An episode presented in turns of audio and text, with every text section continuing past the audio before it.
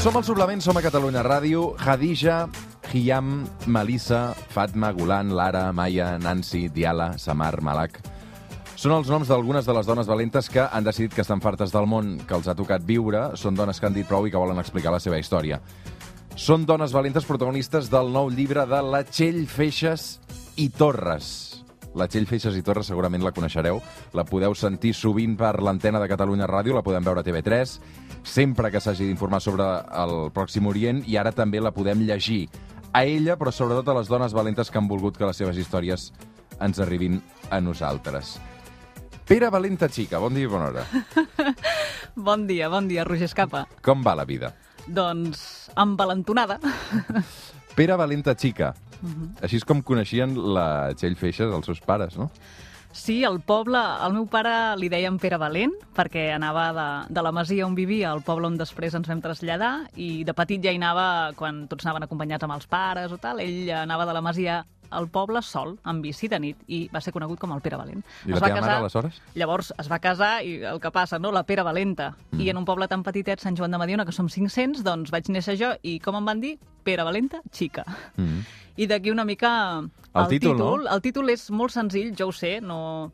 però crec que definia molt bé dos conceptes. Un, el de valentes, que, que m'ha marcat la rutina diària durant molts anys, la Pere Valenta, el Pere Valent, la Pere Valenta xica, i dones, no? I en el Pròxim Orient ha desbordat els dos conceptes. Dones, que tenen mil estereotips, que jo també encarregava algun a l'hora d'anar cap allà, i valentes, doncs, un, un concepte que, que ha explotat no? en, en els meus paràmetres habituals. Mm. Vas néixer en un poble de 500 habitants mm. i ara vius al Líban. Sí. Quin canvi, no? Sí, sí, passant per Madrid fent economia. La meva, la meva coherència laboral, ho explico, no, no, no és molt coherent, que diguéssim, vaig dir mai, mai faré economia i mai aniré a Madrid. M'ho vaig menjar amb patates. Mm. I aniré només dos anys, vaig estar deu. I un company que volia anar al Pròxim Orient, apa, vols anar al Pròxim Orient? Jo crec que això no seria capaç de fer-ho mai. On sóc? al Líban. Per tant, bé, eh, ens movem per inputs. Vaig al llibre de seguida, eh? Mm Mhm. És tan intrèpida com sembla la teva feina? Té estones de tot. Jo crec que sobre el, el corresponsal i la corresponsalia de Pròxim Orient i, i de guerra hi ha un mite romàntic, pel·liculero, um, i pensar que ho pots fer tot al Pròxim Orient ja de partida és un fracàs, i llavors intentes remuntar-ho treballant, fent equip, i hi ha bons moments fantàstics, és una de les èpoques més felices de la meva vida, però també n'hi ha molts de Mm. complicats. Veient-te des d'aquí, eh, i escoltant-te sobretot, a vegades fa la sensació que estàs molt sola. Amplia. No, perquè, és a dir, tenim la Txell allà al Líban i que, que ha de ser una feina també molt solitària, no? Sí, el, el que passa, tinc l'equip, uh, l'Oriol Andrés i el Tarek Sale, que per mi al final acaben sent la família triada i, i els meus uh, guardians, uh, uh, àngels de la guarda, gairebé. Per tant, són companys de feina i família triada. Allà tenim un nucli... És, és una feina solitària, però crec justament per això uh, el nucli social allà està fet de corresponsals una mica de la mateixa mena i, i són la teva família al final. Tomàs Alcoberro també mm. està per allà, a uns carrers d'on vis. I sí, té estones solitàries, però també té... Jo crec que es barreja molt vida i feina allà. Hi ha monotonia o no? O, o cada dia és diferent? No, jo crec que una de les coses millors que té aquesta feina és que saps quan et lleves i on et lleves, però no saps com acabes el dia ni on l'acabes. I això és bo. Perquè abarques un territori immens, no? És a dir, tu tens uh, la base central al Líban, però saps que al Líban tampoc hi cobreixes tantes no, coses. No, no, són una desena de, de països i per això et deia que qui pensi que ho podem saber tot, abarcar-ho tot i arribar a tot, eh, és creure en aquesta idea romàntica del corresponsal, eh, que bé, tu has de treballar, has de tenir gent a cada país, contactes, i, i bé, també és veritat que no sempre passa alguna i, voldri, i, i podem anar amb l'immediatesa que voldríem, no? Vull dir, a vegades cal uns procediments amb la ràdio, amb la tele, per, per enviar els equips, i bueno, ho intentem fer. I una prudència, no? Sí, no, no, el tema de seguretat és, és bàsic. Jo tinc la sort a la corporació de treballar amb una empresa que, que ens ho garanteix al màxim, però tot i garantir al màxim la seguretat, quan va sobre el terreny, ho veiem ara a Iraq, um, no la tens. I, I jo allà vaig tornar una mica trastornada perquè en un país en, en què ja la guerra la veia més llunyana i, i, sabia de les protestes, el nivell de perill allà, de segrest, de tiroteig, era molt important. I, i jo anava tranquil·la, crec, per la meva ignorància, en aquell sentit del nivell de perill que hi havia allà. Però els fixers locals ens deien vosaltres no sabeu ben bé on esteu quan esteu passejant per aquí. Si llegíssiu els diaris que llegim nosaltres amb el que mm. passa cada dia, amb periodistes, amb activistes, amb manifestants, no estaríeu tan tranquils. Per tant, a vegades no sabem massa. En aquell moment que passa et fa anar més tranquil. Què és un fixer? Un fixer és un salvador, és, és, és qui fa que les històries surtin, eh, que quan hi ha un error de que et cau... Clar, has de pensar que quan vas a aquests països eh, no és he quedat, com tu i jo hem quedat ara per fer una entrevista, sinó la persona es pot trobar malament, pot no aparèixer, vull dir, són situacions molt vulnerables i, i si et deixen penjat, per ells no és un gran drama, perquè tenen drames molt més grans que deixar un periodista tirat. Llavors tu vas amb una idea de cobertura, vull abordar aquests temes, perquè jo crec que perquè hi hagi un èxit en un viatge l'has de tenir molt planificat i no deixar cap moment per la improvisació, però és que la realitat t'ajuda, t'obliga a improvisar. I el fixer és aquella persona que en un moment d'error, en què tot se'n va a prendre pel sac, t'aixeca els temes amb propostes B que acaben sent millors que les propostes A. I això ens passa cada viatge, eh? que jo he après a no desmuntar-me davant d'un pla que se'n va Norris, perquè hi ha un fixer que converteix aquell error en, en una proposta millor de la teva. Avui que parlem de valentia, eh, tu passes por fent la feina que fas? Estona sí, estona sí.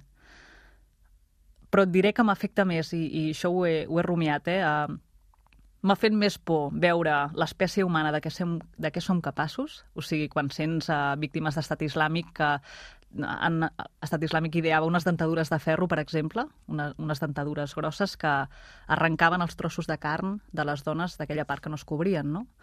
I quan tu trobaves dones d'aquestes foradades, eh, foradades anímicament i, i de cos, i t'explicaven, eh, això em feia molta més por pensar que hi havia aquest tipus de, de persones, per dir-ne així, al voltant, que no sentir bombes o artefactes caient a prop. No? Crec que al final del que som capaços nosaltres és molt pitjor.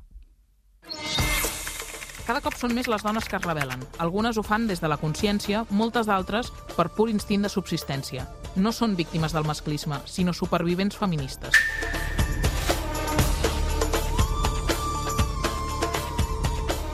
Això que sentiu és Dones Valentes, el llibre de la Txell Feixes Torres. Um, clar, són, és, és duríssim, és un llibre duríssim.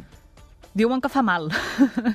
jo no sé si ho definiria així, però crec que sí, que, que fa mal, però jo intento dir que cura a la vegada, no? Són històries que, que et sacsegen, que et remouen, que et fan pensar molt, però crec que en cada dona eh, no és víctima, és supervivent i sempre troba la sortida per acabar una mica millor de, del que ha començat la història. Són duríssimes perquè parles de, parles d'avortaments eh, il·legals, parles de violacions, eh, parles de eh, suïcidis, eh, parles del vincle, en aquest cas, amb, amb, o la proximitat amb el terrorisme i la línia molt fina que hi ha a vegades, no?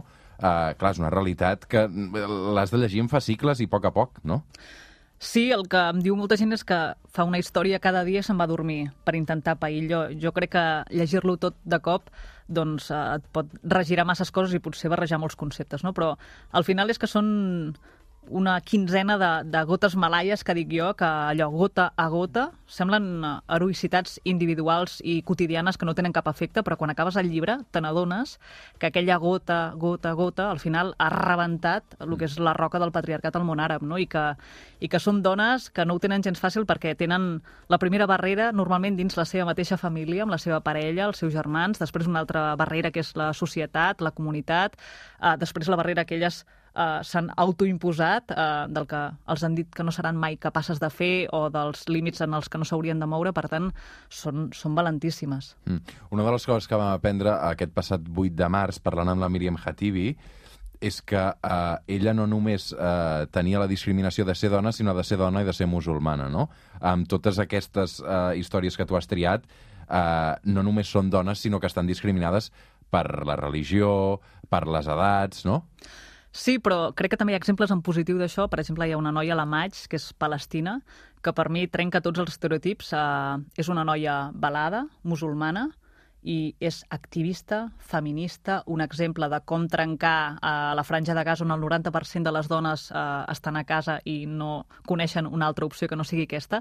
Aquesta dona es va posar dona, noia, 20, 25 anys, estudiar enginyeria perquè de petita a casa teníem poques hores de, de llum i li feia por la foscor i va dir jo jo vull estudiar perquè a casa meva hi hagi llum. I he acabat eh, creant uns prototips, estudiant enginyeria i patant-ho amb unes caixes solars que el que fan és il·luminar mitja casa i posar molt nerviosos els monopolis de generadors de la franja homes testosterònics que estan rabiosos no només perquè eh, el negoci els, els hi va pitjor des de que hi ha la maig, sinó perquè és una dona balada que lidera aquest projecte i no ho poden suportar, no? Per tant, crec que aquest llibre també fa o almenys la intenció és trencar estereotips. La dona al món àrab pot ser balada o no, però no és víctima, és supervivent, no és inferior, és empoderada um, i, per tant, és una mica intentar canviar esquemes mentals. En un moment en què, afortunadament, es parla i s'escriu tant de dones, pot ser interessant obrir una mica el focus i col·locar-lo sobre una regió que, de manera menys mediàtica, està protagonitzant també tota una revolució. Què entenem per feminisme al Pròxim Orient? És una definició diferent de la que tenim aquí? No, jo he optat per no adjectivar els feminismes ni les feministes, perquè, perquè si ens dividim ho tenim tot perdut, el, el masclisme i el patriarcat no porten adjectius, ni es divideixen, per tant, eh, jo contemplo i respecto tots, tots els feminismes. Sí que és veritat que al món àrab el feminisme és de, de base de supervivència més que a nivell de consciència. La majoria de, de, dones, de dones valentes no són feministes perquè ho hagin triat, sinó perquè o ho ets o potser no neixes perquè ets nena, o potser et casen amb qui t'ha violat, o potser et, et violen i, i, i no ho pots uh, ni anunciar, o potser... Has... Vull dir, la vida al món àrab et sotmet a unes realitats que és o feminista o a lo millor mores. Per tant, és una opció de, de vida o mort, no, no la tries, no?, en molts casos. Mm. Com les has convençut perquè t'expliquessin la seva història? Algunes tenen necessitat d'explicar-les i aquí crec que quan em pregunten ser dona al món àrab com a periodista és més uh, avantatjós o complicat. Uh, en moments és complicat, però crec que la gran avantatge, la gran, gran avantatge, és que ser dona m'ha donat accés a aquestes històries. La majoria no haurien explicat mai. Uh, M'imagino, eh, situacions... Uh, no, no veig un home com a interlocutor. Simplement és que de la vergonya no, el podrien, no et podrien estar mirant a la cara i explicant el que llegeixes aquell llibre. Per tant, uh, mm, bueno, me les he trobat algunes que t'ho han volgut explicar perquè gairebé te les has topat, però la majoria has d'anar a buscar una mica perquè són històries tan, tan profundes que ningú a cor obert de cop s'obre així, no? L'idioma no ha estat una barrera per tu? No, però sí el fet de que com no el parlo l'àrab eh, i no l'entenc, eh, quatre paraules, sempre he de dependre del, del productor, en Tarek Saleh, eh, que és un home. I, i això et veuen a tu com a interlocutora i abaixen una mica el nivell d'atenció, però quan entra eh, en Tàric, doncs, a moments es tensen, no? Eh, aquí hi ha també la mà d'intentar doncs, agafar confiança. Eh, en cap d'aquests casos és una conversa i prou. Vull dir, has de planar molt el terreny perquè la, la persona vegi bueno, que realment vols anar una mica més enllà del titular i del tall de veu, no? I que t'interessa el que t'explicarà. Mm. Moltes són joves, no?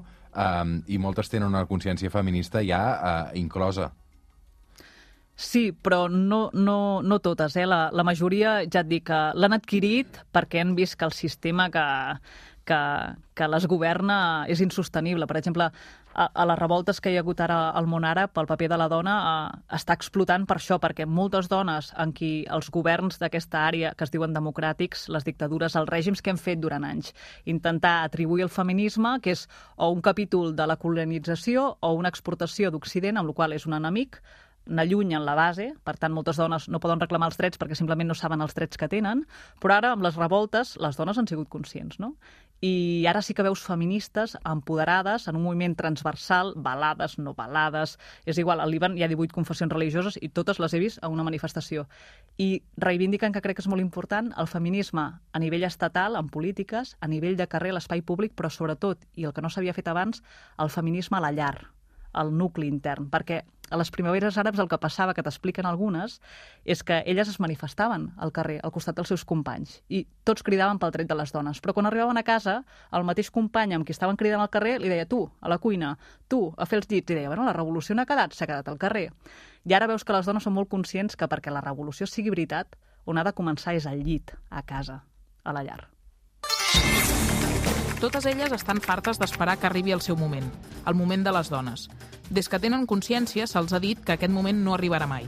Ara no, que hi ha guerra. Ara no, que hi ha crisi. Ara no, que hi ha pobresa. Ara no, que estem de dol. Ara no, ara tampoc. Fins ara.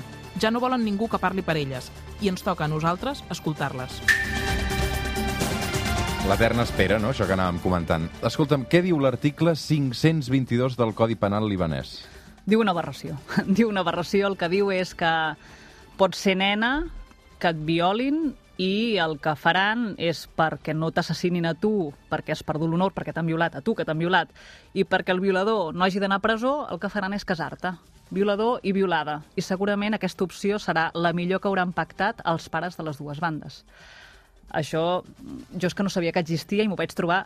Moltes d'aquestes històries arrenquen de la meva quotidianitat, uh, igual que una d'una minyona que neix arran d'un altell que hi ha a casa meva i jo em pregunto si és un altell, em diu, no, és el dormitori d'una criada. Aquesta neix arran que jo vaig a fer un cafè a la plaça on treballo i veig un escampall de, de nenes, noies, vestides de núvia i penso, que bonic, és com una primera comunió libanesa, vaig pensar. Em vaig apropar i vestits ensangonats, amb crosses, amb gases, amb blaus a les cares. Vaig dir, això?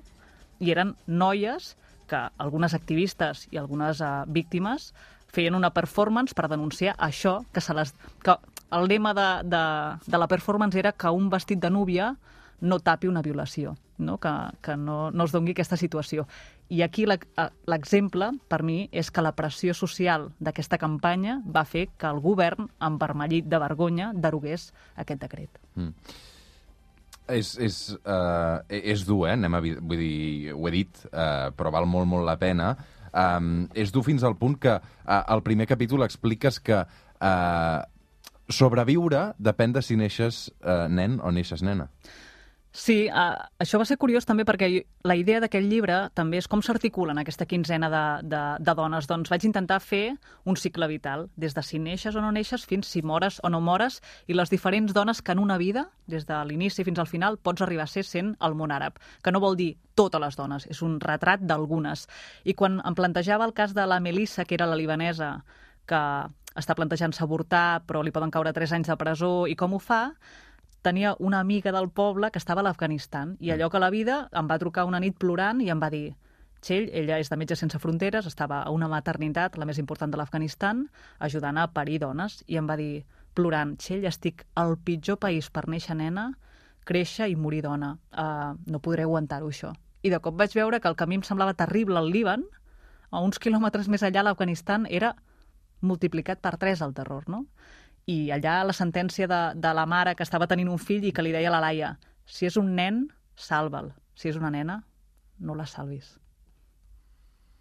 O les mares que uh, desitgen que està, estar prenyades de... De, de, de nens. De nens. I que l'ecografia, durant l'embaràs, els hospitals tenen prohibit ensenyar l'ecografia a la mare perquè si la mare, quan està de pocs mesos, sap que porta una nena, el que fa és agafar punxons, ampolles, herbes, i per avortar. Uh, per tant, és, és complicada la cosa complicada i, i, i duríssima. Um, moltes d'aquestes dones no només lluiten contra aquest uh, patriarcat, uh, sinó que també han de lluitar contra el terrorisme, no? Um, explica'm la història de la Golan. És fantàstica. Per mi, el, uh, la història de la Golan, de les milicianes kurdes, és l'exemple de revolució femenina i feminista uh, més important a la zona històrica i menys mediàtica.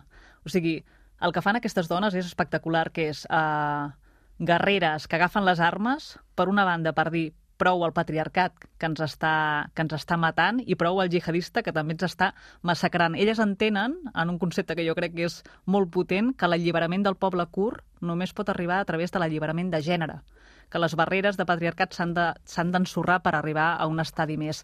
I es dona una ironia, que jo trobo que el karma a vegades ajuda amb aquestes coses, no?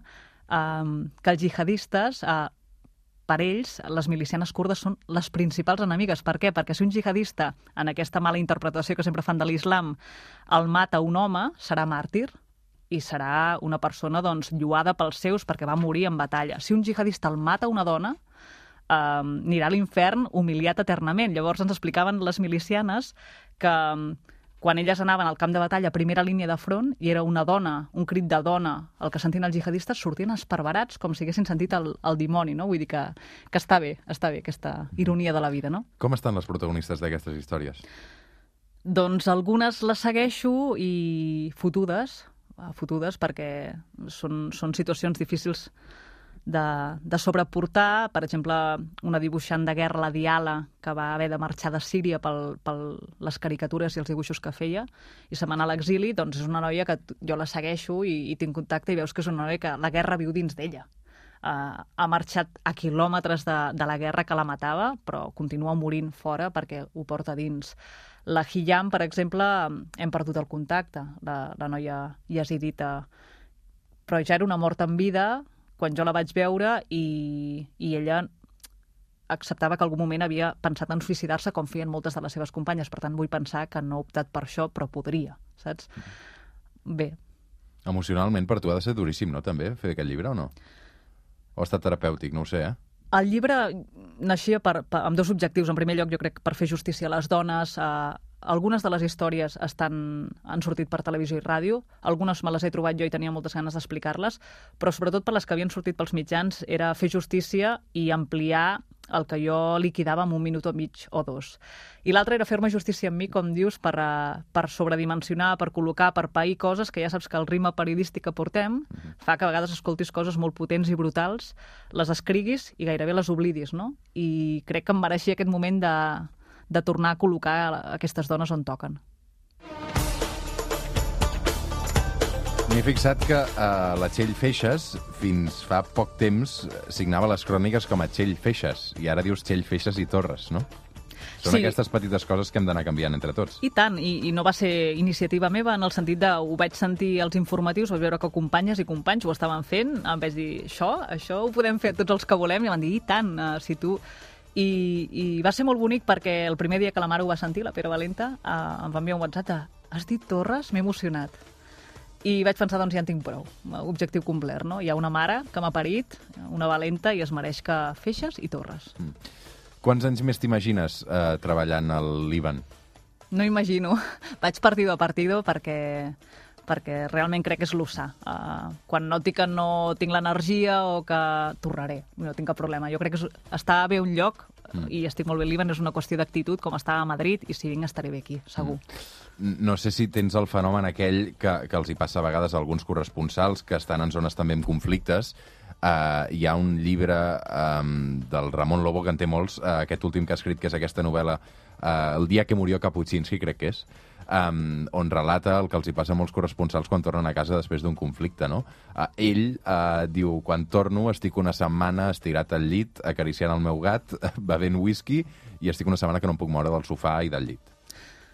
No tinc gat, però entenc la sensació que, que estàs dient en el sentit... Jo el que em passa quan torno d'una La meva no, cobertura... eh? La del Ramon Lobo, que explica les seves novel·les. Sí, sí, sí. Uh, jo el que noto quan, quan torno és uh, que estàs molt sensible i que necessites un moment de descompressió. El que passa que això s'arregla amb una bona xarxa al voltant, de gent que t'estima, que et mima, que encara que sigui a distància s'ha preocupat i es preocupa, i realment nosaltres som afortunats, perquè el que penso és, si quedem una mica tocats momentàniament, però qui es queda allà al país, al final és la gent a qui entrevistes, no? Que quan tu mires així dius, val, estem una mica sensible, eh, dos o tres dies ho recol·loco ràpid, però el que no ho recol·locarà són aquestes dones valentes moltes, no? Dones valentes, un llibre que no us podeu perdre de la Txell Feixes. Txell, bon viatge de tornada cap a casa teva, Gràcies. és el Líban ara mateix. I una cosa, Dones valentes, sobretot, també és una lectura per a homes, eh? que jo sé que aquest mm. tipus de llibres sovint espanten els homes i es pensen això és cosa de dones, que ja anem malament. Ja no ens espanten. No, Eh, no, crec no. que a poc a poc anem fent pedagogia i aquestes coses ja no ens... Jo crec que remou, eh, a l'home també el fa pensar, per tant, us convido a tots a, a fer-hi una ullada. El recomanem moltíssim. En pròleg de la Gemma Ruiz i Palà, també companya eh, i amiga teva, entenc. Un pròleg potent, molt potent, com és ella, vaja. Gràcies, Txell. A vosaltres. El suplement amb Roger Escapa.